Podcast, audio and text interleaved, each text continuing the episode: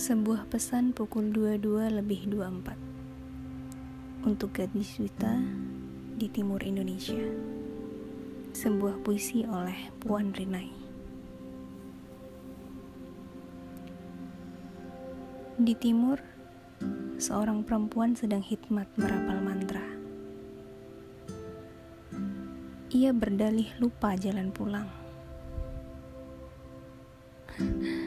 mendorong rindu agar sudi memberi alamat puisi. Ia membuang sauh pada singgah yang niscaya. Gigih dan gagah memberinya segenap daya, namun perempuan itu alpa. Ada kawan jauh yang butuh pelukan. Ada rumah lama yang perlu dihangatkan.